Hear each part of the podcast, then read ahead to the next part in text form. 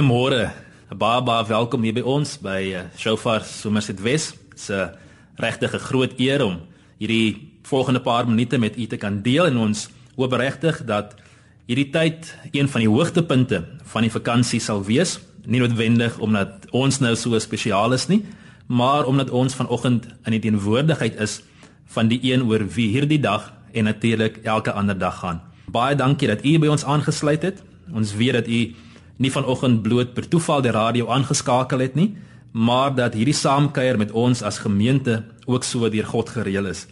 Ons het al reeds vir elke luisteraar vanoggend gebid en ons vertrou regtig dat die volgende paar minute vir ons almal van onskatbare waarde sal wees. Kom ons bid saam.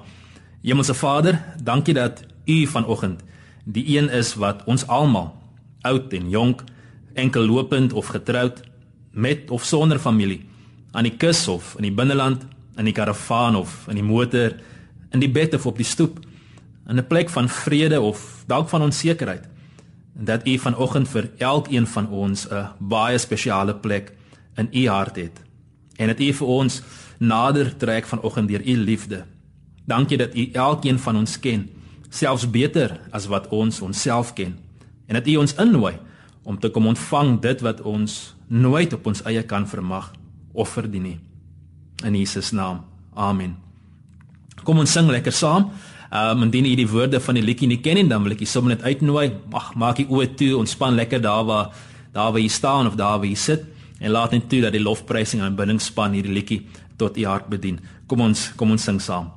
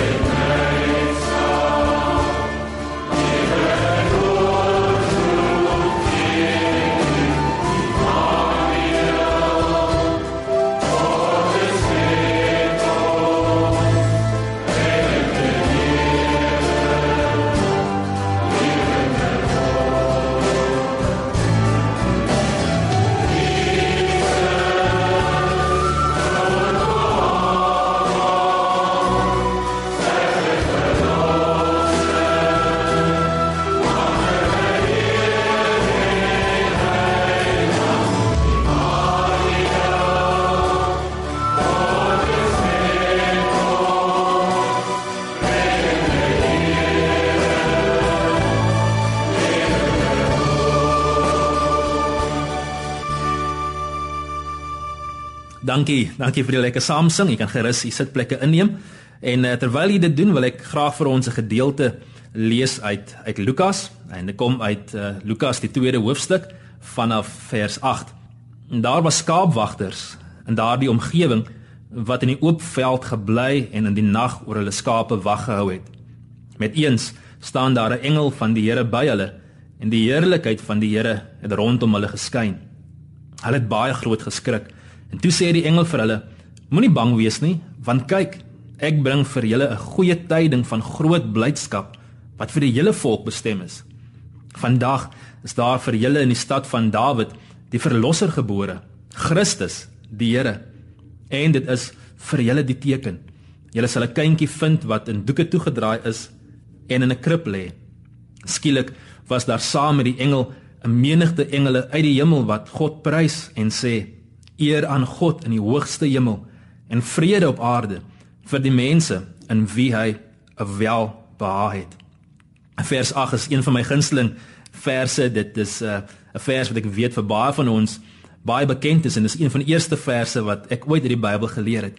Skaapwagters wat in die oop veld gebly het en in die nag oor hulle skape wag gehou het en terwyl hulle besig is om om hulle hulle taak te verrig, kom die goeie nuus En die goeie nuus bereik hulle harte en bereik hulle lewens en verander hul lewens en vanoggend is dit daardie goeie nuus wat ons almal verenig het. Wat ons almal saamgebring het en wat ons vanoggend hier waar ons ook al is, verenig in ons liefde, ons geloof, ons erkenning van God, maar ons ook verenig in ons menslikheid. En vandag 'n spesiale dag, nie omdat die datum enige enige magiese kragte het nie, maar omdat ons tesame met miljoene ander Christene van reg oor die wêreld kan wegkyk van dit wat ons langs die nominale skeidslyne verdeel, kan wegbeweeg van dit wat ons in ons huwelike of in ons gesinslewens gefragmenteerd wil hou en kan wegkyk van dit wat ons taalkundig of kultureel of polities gepolariseerd wil hou. Dat ons ongeag van ons geografiese ligging ons onsself almal vanoggend op dieselfde grond kan bevind.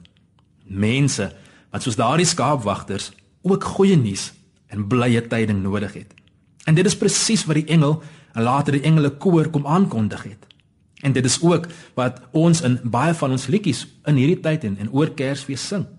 En tog is dit so dat daardie goeie nuus in hierdie tyd so baie keer gereduseer word tot goeie nuus wat eintlik maar net vir die winkelsentrums meer as vir enigiemand anders goeie nuus is.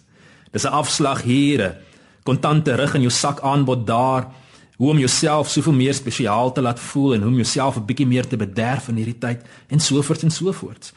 Maak die koerante oop en daar sal ons sien al die advertensiebrosjures oor oor hierdie goeie nuus. Aan die een kant en aan die ander kant in dieselfde koerante die realiteit van ons lewens.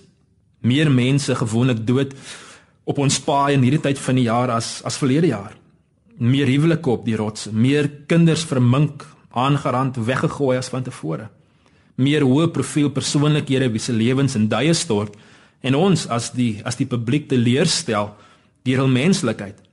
En so gaan die lys aan en aan en aan. So waar waar is die goeie nuus en die blye tyding? Nou eintlik is 'n mens baie keer geneig om jouself te wil vra.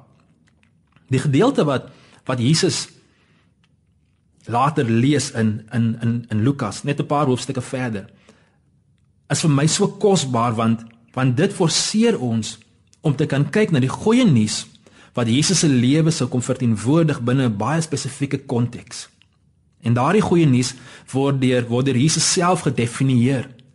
Wat bedoel ons as ons sê dit is goeie nuus? Wat bedoel ons as ons sê dat die koms van 'n baba seentjie meer as 2000 jaar gelede goeie nuus is vir die mensdom? Kom ons laat toe dat daardie baba seentjie wat groot geword het, dat hy dit self vir ons kom definieer so. Ehm um, lees saam met my as as jy kan uit Lukas Lukas hoofstuk 4 vers 16. Hy het ook in Nasaret gekom, dis nou Jesus waar hy groot geword het. En soos sy gewoonte was, het hy op die Sabbatdag na die sinagoge toe gegaan. En toe hy opstaan om uit die skrif voor te lees, is die boek van die profeet Jesaja vir hom gegee. En hy het dit oopgemaak en die plek gekry waar geskrywe staan: Die gees van die Here is op my, omdat hy my gesalf het om die evangelie aan armes te verkondig. Hy het my gestuur om vrylating vir gevangenes uit te roep en herstel van gesig vir blindes, om onderdruktes in vryheid uit te stuur, om die genadejaar van die Here aan te kondig. Nadat hy die boek toegemaak en aan die amptenaar teruggegee het, het hy gaan sit. En die oë van almal in die sinagoge was op hom gerig. En toe begin hy hulle toespreek: "Vandag is hierdie skrifwoord wat julle nou net gehoor het, vervul." Die gedeelte wat Jesus hier lees, beklemtoon hoe daardie goeie nuus waarvan die engele gepraat het, homself sou uitleef in die harte en lewens van mense. Want ek dink dit is maar hoe mense is. As ons nie goeie nuus kan kan sien en dit kan ervaar nie, dan maak daardie nuus maar eintlik weinig saak vir ons van maandag tot vrydag en saterdag van 26 Desember deur Januarie weer tot 24 Desember. Daar waar die lewe geleef moet word en waar ons nie net een keer 'n week of dalk een keer 'n jaar kom vir ons inenting goeie nuus of ons dosis ontvlugting nie. En dit is hier waar ek glo die wonderwerk van die geboorte van Jesus ter sprake kom. Dit is wat Johannes later in in een van sy briewe sê dat die hierdie goeie nuus het gekom en het arms en bene en 'n stem aangeneem. Het tussen ons kom bly en ons die kapasiteit gegee om aan hom te kan raak, om as te ware vattigheid te kry aan wat dit beteken om goeie nuus te ervaar. Dat hierdie baba seentjie aan, aan wie ons dink gedurende Kersfeestyd nie vir altyd 'n weerlose baba seentjie sou bly nie, maar dat hy die verpersoonliking en die manifestasie van God se hart sou wees. Dat daardie seentjie God se hart in doeke toegedraai sou wees. Dat God eens en vir en vir altyd sou kom en die onsekerheid en die wantroue wat daar in die mensdom se hart is teenoor sy hart. Wat is God se hart rakend ons? Daardie wantroue sou hierdie hierdie baba seentjie wat groot sou word vir eens en vir altyd uit die weg kom ry. En daarom glo ek is dit vanoggend vir ons so belangrik om nie net stil te staan of liewer vas te hak bloot by Jesus as die baba seentjie in die krib nie, maar om ons harte en ons denke opnuut oop te stel aan die boodskap wat daardie baba seentjie sou kom verkondig. Maar miskien voor ons aangaan is dit vir baie van ons dalk juis belangrik om vanoggend weer eens verseker te word dat God heilig, almagtig en soewerein tog homself so kwesbaar gemaak het dat hy mens kom word het. Dat hy nie koud staan teenoor jou en my menslike tekortkominge nie. Dat hy juis nader gekom het en nie een of ander kosmiese diktator is wat oor 'n afstande klomp marionette wil hit en gebied nie, maar 'n God naby ons, by ons in ons wil wees. En hy het net mens geword net om weer van die toneel af te verdwyn nie. En sodat ons se geboorte kan herdenk as 'n mooi storie wat ons herinner daaraan om een keer 'n jaar vir mekaar geskenke te koop, deel te word van die dolle gejaag na en van winkelsentrums en ons verder in skuld te dompel sodat ons duur geskenke kan koop wat ons nie eintlik kan bekostig om mense te beïndruk met wie ons die res van die jaar nou net regtig jy se saak mee het nie. Dit is nie die goeie nuus wat Jesus se koms aangekondig het nie. Die mens word, die nabykom van God is 'n te belangrike gebeurtenis om te reduseer tot 'n een eenmalige gedagte of ervaring. Hoe kosbaar en sentimenteel belangrik ook al daardie ervaring mag wees vir ons. Vanoggend kan ek nie help om te wonder of of ek myself nie van tyd tot tyd hopeloos te ek wil amper sê te godsdienstig raak met hierdie goeie nuus van God nie. Wonder ek of ons nie menige keer baie gemaklik is daarmee om Jesus klein te hou nie. Jy weet hier by ons het ons soveel babetjies wat in hierdie tyd gebore word in die gemeente en ons het soveel geleenthede waar ons hierdie babetjies inseën en opdra aan die Here en en dan kom die res van ons as vriende en ons ons kyk na hierdie babetjies wat die mammas en die pappas met soveel trots na vore bring en ons koetsie koetsie koe oor die babietjies en hulle is so oulik. Maar jy weet dan na ruk draai ons ons rug op hierdie paartjie en hierdie babietjie en ons ons beweeg weg. Want dit is nie nou ons babietjie meer nie. Ons kan daai klein ouetjies bewonder en dan wegstap van hulle. Maar hierdie baba seentjie wat gebore was, het groot geword en het gekom om goeie nuus vir ons uit te leef, goeie nuus wat selfs in hierdie tyd van helder liggies en geskenke en alles wat ons moderne wêreld Kersfees gemaak het tot ons uitroep. En kan ons nie bekostig om ons rug te draai op hom en een keer 'n jaar om van 'n afstand te bewonder nie. Jesus het hierdie boodskap opgesom vir ons die konteks gegee van dit. Die goeie nuus waarvoor hy gesalf is Die goeie nuus en dit is wat die evangelie beteken. Die evangelie beteken goeie nuus. Dit is nie geskoei op ontvlugting nie. Maar goeie nuus wat ons omstandighede, ons harte, ons denke, die totaliteit van ons bestaan wil binnendring en van binne af wil transformeer. Ons is almal vanoggend verenig in ons geloof of ten minste ons erkenning van God. Maar daar is ietsie meer wat ons verenig en dit is ons menslikheid. En in hierdie gedeelte wat Jesus lees vir ons uit Jesaja, kry ons 'n blik op God se perspektief van van hoe hy ons sien en hoe hy anders as die meeste van ons verby die uiterlike kan kyk en ons ware behoeftes kan raak sien. Vroeër hierdie maand lees ek van die soveelste groot vermaaklikheidskunstenaar in Amerika. Iemand wat sy sy lewe gemaak het deur verander te laat lag en hom en om goeie waardes te verkondig. Hoe dit nou aan die lig kom dat agter al daardie glimlagte en snaakse stories 'n baie komplekse, gebroke mens geskuil het wat nie anders kon as om ander ook seer te maak nie. Vir jare, dekades lank kon hy voortgaan met die toneelspel. Maar nou, stadig maar seker, word daardie maskers ontbloot, afgehaal, gestroop.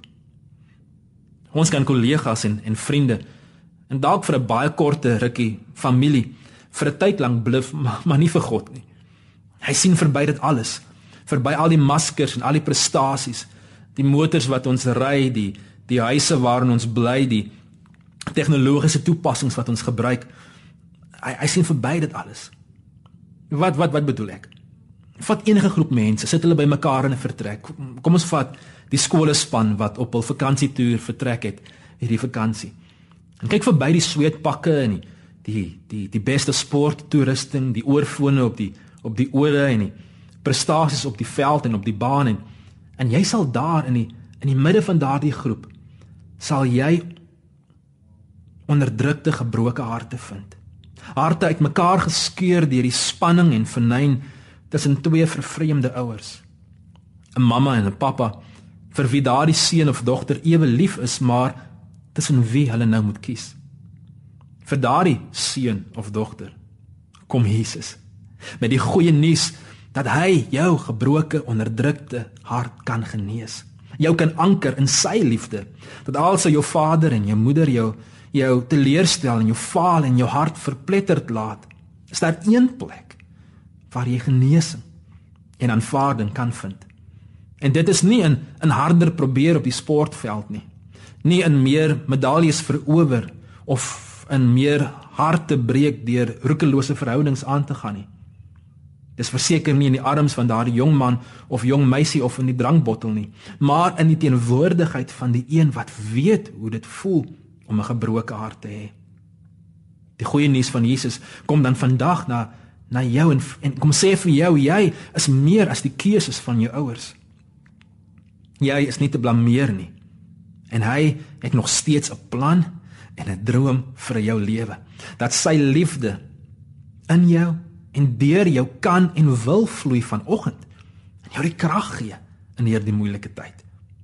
Dat hy nie net pleisters op ons harte wil sit wat een of ander tyd gewoonlik wanneer ons dit dit die minste kan bekostig gaan afskeur en en daardie pyn en woede gaan laat ontplof nie maar dat hy onderdrukte gebroke stukkende harte genees dit heel maak dit sag maak en dit deur die werking van sy Heilige Gees en die bediening van sy woord kan sag hou. Kom ons bring dit 'n bietjie nader aan waar ek myself bevind. Vat 'n groep predikante of motiveringssprekers of wat ons nou ook noem life coaches en kyk verby ons spreuke en ons mooi praatjies en ons gevatte sê goed en ons ons helder glimlagte en charismatiese persoonlikhede en die statistieke sê dat daar 'n beduidende persentasie van ons is wat op verhoog optree wat gevange gehou word deur ongekende eensaamheid intense depressie en 'n knaande, hol gevoel in die diepste van ons wesens dat ons eintlik besig is om dinge aan mense voor te hou wat wat ons self nie onder die knie het nie. En dat indien mense ons regtig sou leer ken vir wie ons is, hulle glad nie van ons hou nie. En daarom probeer so baie van ons nog meer praatjies inwerk, meer mense sien om te help, langer werk aan ons aan ons spreuke en so min as moontlik stil word sodat ons nie gekonfronteer hoef te word met daardie innerlike tweestryd nie. Vir ons, ook vir ons, roep die goeie nuus van Jesus deur die 2000 jaar heen dat hy gekom het om ons vry te maak. Dat hy gekom het om aan ons harte die goeie nuus te kom meedeel dat dat hy weet wat dit voel om massas mense te hê wat afhanklik is van ons. Dat hy gekom het om ons te verlos van daardie daardie prestasie gedrewe lewenstyl dat ons weg van die skares en die mense wat ons moet beïndruk 'n oor kan kry kan vind in hom. 'n veilige plek in sy hart gekry het waar ons maar net onsself kan wees. Dat hy verstaan hoe alleen ons voel. En dat sy gees in daardie plek van eensaamheid en onsekerheid en twyfel wil inkom en die deure na ons harte kom oopmaak. En ons vry van die tronk self van mense se goedkeuring en applous kan maak. Ons vry kan dit uitstap. Vry om te leef slegs om hom te behaag en onsself vrede en rus en 'n blaaskans te kan gun met ons geliefdes. Neem enige groep vakansiegangers op die strand of daar aan die voete van 'n berg. Kyk verby die breingebrande lywe en die roemes in die hand en en ons sal vind dat die meeste Suid-Afrikaners vakansie hou op skuld. En armer is na die tyd en volgende jaar maar net weer daardie selfde siklus gaan herhaal. Sit baie van ons, nie almal, maar baie van ons in 'n plek waar ons blind is deur ons gebrek aan selfbeheersing en die vermoë om nee te kan sê wanneer ons moet. Dat ons nie durf mense te leerstel nie, dat ons onsself te nakom keer op keer, elke keer in die hoop dat ons miskien deur daardie nuwe aankope uiteindelik goed genoeg sal wees vir iemand se liefde, goed genoeg sal wees vir iemand se vergifnis. Vir ons wil Jesus dan kom sê, ek verkondig nog steeds goeie nuus. Ek kom maak nog steeds die oë van die blindes oop. Of jy nou blind is as gevolg van die skuld, weerstand, bitterheid of of woede. God het mens geword, naby gekom om in enige donkerte te kan instap en ons vry te kan maak sodat ons kan sien verby die vrees vir die toekoms en wat van ons en ons kinders en of, of ons kleinkinders gaan word daardie blindheid van vrees wat so baie van ons soveel soveel slapelose nagte gee dat hy vir ons 'n oop deur het uit daardie vrees na die lig van sy vrede en hoop God wys juis vir ons sy liefde hierin dat dat hy kom terwyl ons dit glad nie verdien nie. Soos daardie skaapwagters eintlik maar net besig was om na hulle skape te kyk. Hulle was nie godsdienstige ouens nie. Hulle het nie wonderlike dinge vermag nie. Hulle was doeteenvoudig besig om met hulle normale lewe aan te gaan. Kom God en hy bring goeie nuus in hulle lewens in. En daar was iets omtrent hulle harte, iets omtrent die die nederigheid en die bewussyn van 'n skaapwagter dat ek het niks wat God kan behaag nie. Ek het niks binne in my wat hierdie lewe kan leef soos wat ek moet nie. En daarom is die goeie nuus juis vir die wat arm is van gees, die wat afhanklik is van God, die wat gestroop is van enige gedagte of idee dat ons hierdie op ons eie kan doen. Vir daardie harte is die evangelie goeie nuus. Hoe is jou hart? Hoe arm en hoe afhanklik van God is jou hart? Vir die goeie nuus om goeie nuus te wees vir ons. Kan ons nie bekostig om na Jesus te kyk as hierdie weerlose, magtelose Kersfeeskaartjie Baba Jesus nie. Vandag of ons nou omring is deur vriende en familie, of die dag op ons eie deurbring of ons dit vier met medegelowiges in 'n erediens soos hierdie of of dalk nie eens kan onthou wanneer laas ons ons voete binne 'n kerkgebou gesit het nie. Vandag nou daar waar jy dalk jou wit kersfees in die vreemde vuur ver van die huis af of iewers plattelandse dorpie dalk in 'n groot winkelsentrum of langs die strand ongeag van waar jy is is dit nodig om te luister en ag te slaan op die goeie nuus die versekering dat God nie 'n God is wat ver weg is en 'n taal praat wat ons nie verstaan nie maar dat hy bereid was om om eens en vir altyd die wantroue in ons harte aan te spreek. Deur Jesus te stuur, nie net om gebore te word nie, maar om sy Vaderhart, sy Abba hart teenoor ons uit te leef. Ons het die afgelope ruk in ons land 'n paar hoë profiel hofsaake gehad. Hofsaake wat nie net die betrokke partye geraak het nie, maar ook groot gedeeltes van die land in in rep en roer gehad het. En vanoggend, vanoggend is my vermoede dat daar in baie van ons harte ook so 'n lewenslange hofsaak aan die gang is. 'n Hofsaak waarin verskeie aanklagte teen die karakter en die hart van God gebring word. En dit is reg in die middel van hierdie hofsaak dat Jesus gebore word as die grootste bewysstuk wat God op die tafel kon sit. Vanoggend mag daar baie van ons wees wat wat voel dat ons grondige redes kan aanvoer waarom ons twyfel of verwyd of dalk selfs woede teenoor God koester in ons hart. Ten spyte van die feit dat ons dit dalk nooit teenoor ander sou erken nie. En tog is dit so dat ons voete en ons dade baie meer verklap as wat ons woorde ooit sou kon. Jamper 70% daar rond van ons land se inwoners sien hulself as Christene en tog tog vertel ons koerante vir ons ander stories. Kan dit wees dat ons harte en ons voete en ons hande die die ware storie vertel? Dat ons 'n land is wat sy anker verloor het? En mag dit dalk tyd wees dat ons in hierdie feesviering tyd na die storie van Jesus se geboorte kyk nie net meer as 'n storie nie. Nie net meer daarna kyk as 'n baba seentjie gebore in 'n krib in 'n stal 2000 jaar gelede nie, maar daarna sal kyk as die verpersoonliking van 'n God op 'n vuurige sending. 'n Reddingstog op soek na jou hart en myne. Arm harte, gebroke harte, verslaafde harte, eensame, woedende, teleurgestelde, gevange harte, noem maar op. God opsoek.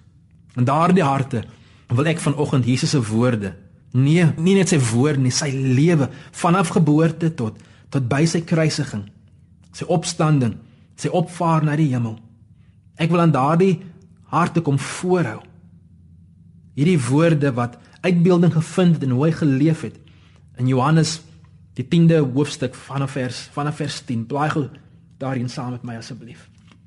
Johannes 10 vers 10 is Jesus besig om te praat en hy en hy sê 'n dief kom net steel en slag en uitroei. Ek het gekom sodat hulle die lewe kan hê en dit in oorvloed. En dit is die goeie nuus. Dat God Jesus gestuur het nie net sodat ons kan oorleef en kan voortstrompel van een Kerstyd na die volgende toe net dankbaar oh, ons het dit deur nog 'n jaar gemaak nie. Nee, hy het gekom sodat ons lewe lewe in oorvloed kan hê en dit is wat daardie koms van Jesus verteenwoordig het. Die goeie nuus. Hier is my hart. Mense, hier is my hart. Kyk daarna. Luister daarna. Daar's 'n pragtige storie uit die uit die lewe van Jesus wat hierdie vir my baie mooi uitbeeld en demonstreer.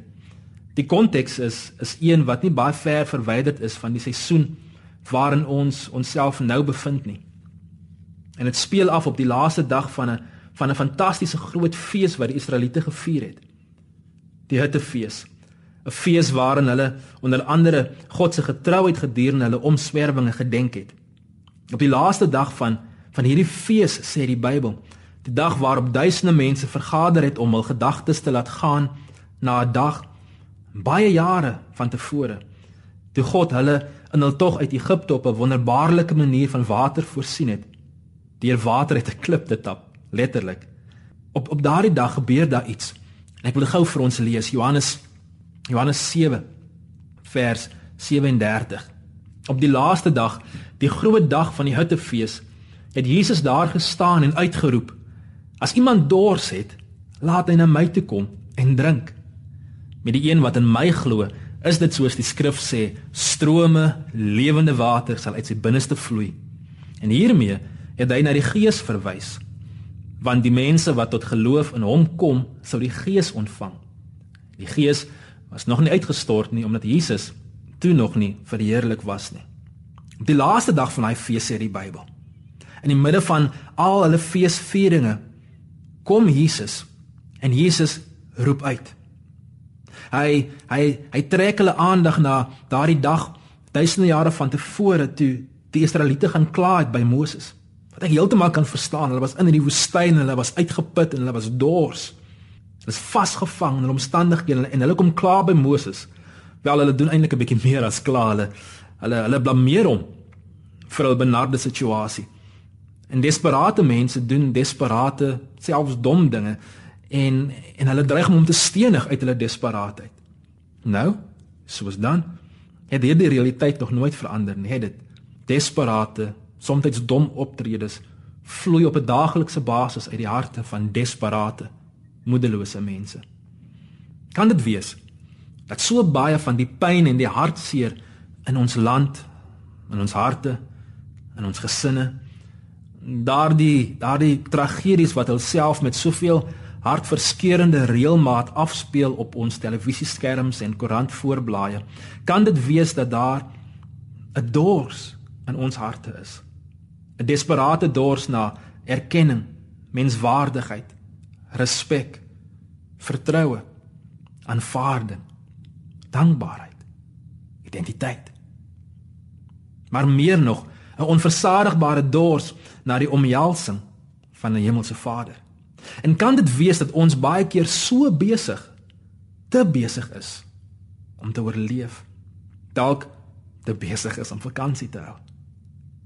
Dat ons hierdie dors ignoreer en sodoende die nuwe jaar maar net nog dorser en meer desperaat as van tevore sal binnegaan. Wel, in die midde van daardie groot fees Al die liedjies wat gesing is en die braaivleisvure wat aangesteek was, staan Jesus op, sê die Bybel. Hy hy het gestaan en hy en hy roep uit, hy roep almal tot stilstand. Hy plaas die aandag weer op homself as die enigste een wat daardie dors kan les.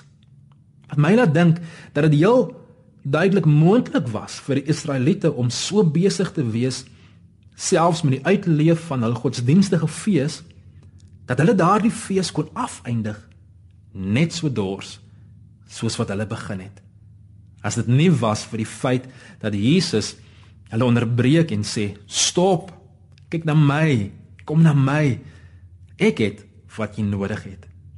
Hou brons Karel. Kom sit aan my voete en laat my gees toe om fonteine in jou hart los te maak. Hy wat glo in my. Om te glo in hom om te glo in hom wat lewe gee, wat nuwe beginne moontlik maak. As die een wat die pad oopgebreek het na God se hart, die brug gebou het deur sy kruisdood tussen ons sonde en sy heiligheid. Wat glo in hom en die goeie nuus wat hy verkondig het dat hy gekom het sodat ons lewe en lewe in oorvloed kan hê dat hy die weg, die waarheid en die lewe is dat wie hom het harte ontvang wat sag genoeg is vir lewe om dit in te vloei en deur dit te vloei. Daardie dag toe God water uit die klip laat vloei deur Moses se staf is vir my so bemoedigend want dit spreek vir my tot die feit dat God se krag groter is as die hardste hart. Dit maak nie saak wat gebeur het om ons harte so hard te laat voel nie. Maak nie saak wat die pyn of wat die sonde of wat die teleurstelling is nie. Waar ander 'n klip sien, sien God 'n fontein. Kan dit wees dat Jesus vandag ook hier in die middel van ons Kersfeesviering tot ons uitroep? Hier is ek. Kom na my. Kyk na my. Glo in my, drink in geloof van my voorsiening, van my genesing vir jou onderdrukte gebroke hart, van my vrylating van jou tronk self van emosies en vrese en my losmaak van dit wat jou wil terughou van my plan en my beste vir jou lewe. Mag ons na Jesus kyk vanoggend as soveel meer as net 'n Kersboodskap, maar as die een wat nie net goeie nuus kom verkondig het nie, maar wie inderdaad die goeie nuus is vir elke hart wat opnuut hul vertroue in hom sit. As jy dalk nog nooit gekom het om van hom te drink nie, nog nooit jou lewe gestop het en gekom het nie, dan wil ek jou vra om met my hierdie gebed van afhanklikheid tot hom te bid. Of dalk is daar iets wat jou hart gebreek het of jou hart hard gemaak het. Dalk iets wat jou wat jou gevange hou, 'n blindheid waar waar verby jy nie kan kyk nie. Dan wil ek jou vra dat jy net daar waar jy sit in jou sitplek of luister na die radio dat jy sal stil word vir 'n oomblik en dat jy sal drink van sy genade wat hy aan jou bied vanoggend. Deur saam met my te bid. Vader, dankie dat U Jesus gestuur het vir my.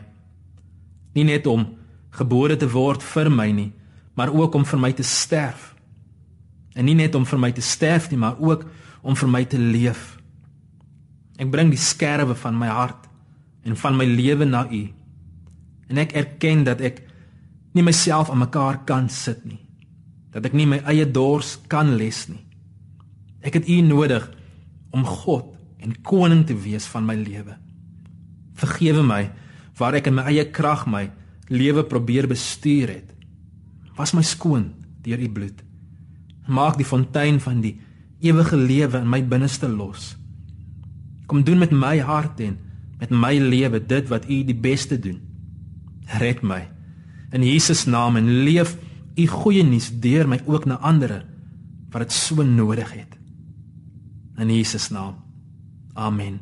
Ons gaan vir oulas en lekker saam sing soos ons net hierdie hierdie kosbare dag verder aan aan die Here toe wys hoop.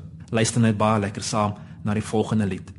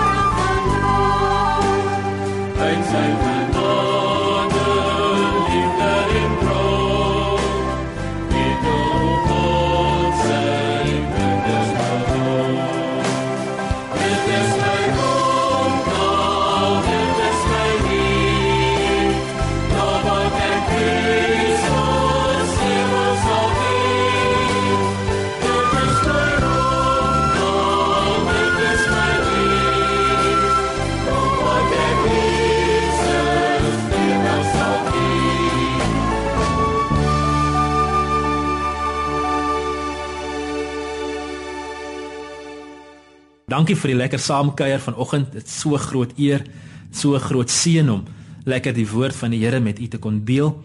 Um bid dat jy baie baie baie lekker dag sal hê en sal lekker saamkuier met vriende en familie.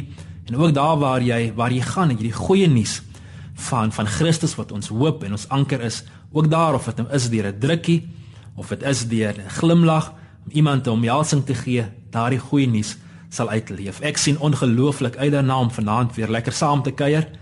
6 uur kom ons weer by mekaar en dit sal wonderlik wees as jy weer by ons kan aansluit. Die Here seën u, mag jy 'n ongelooflike dag in sy teenwoordigheid ervaar. Baie dankie.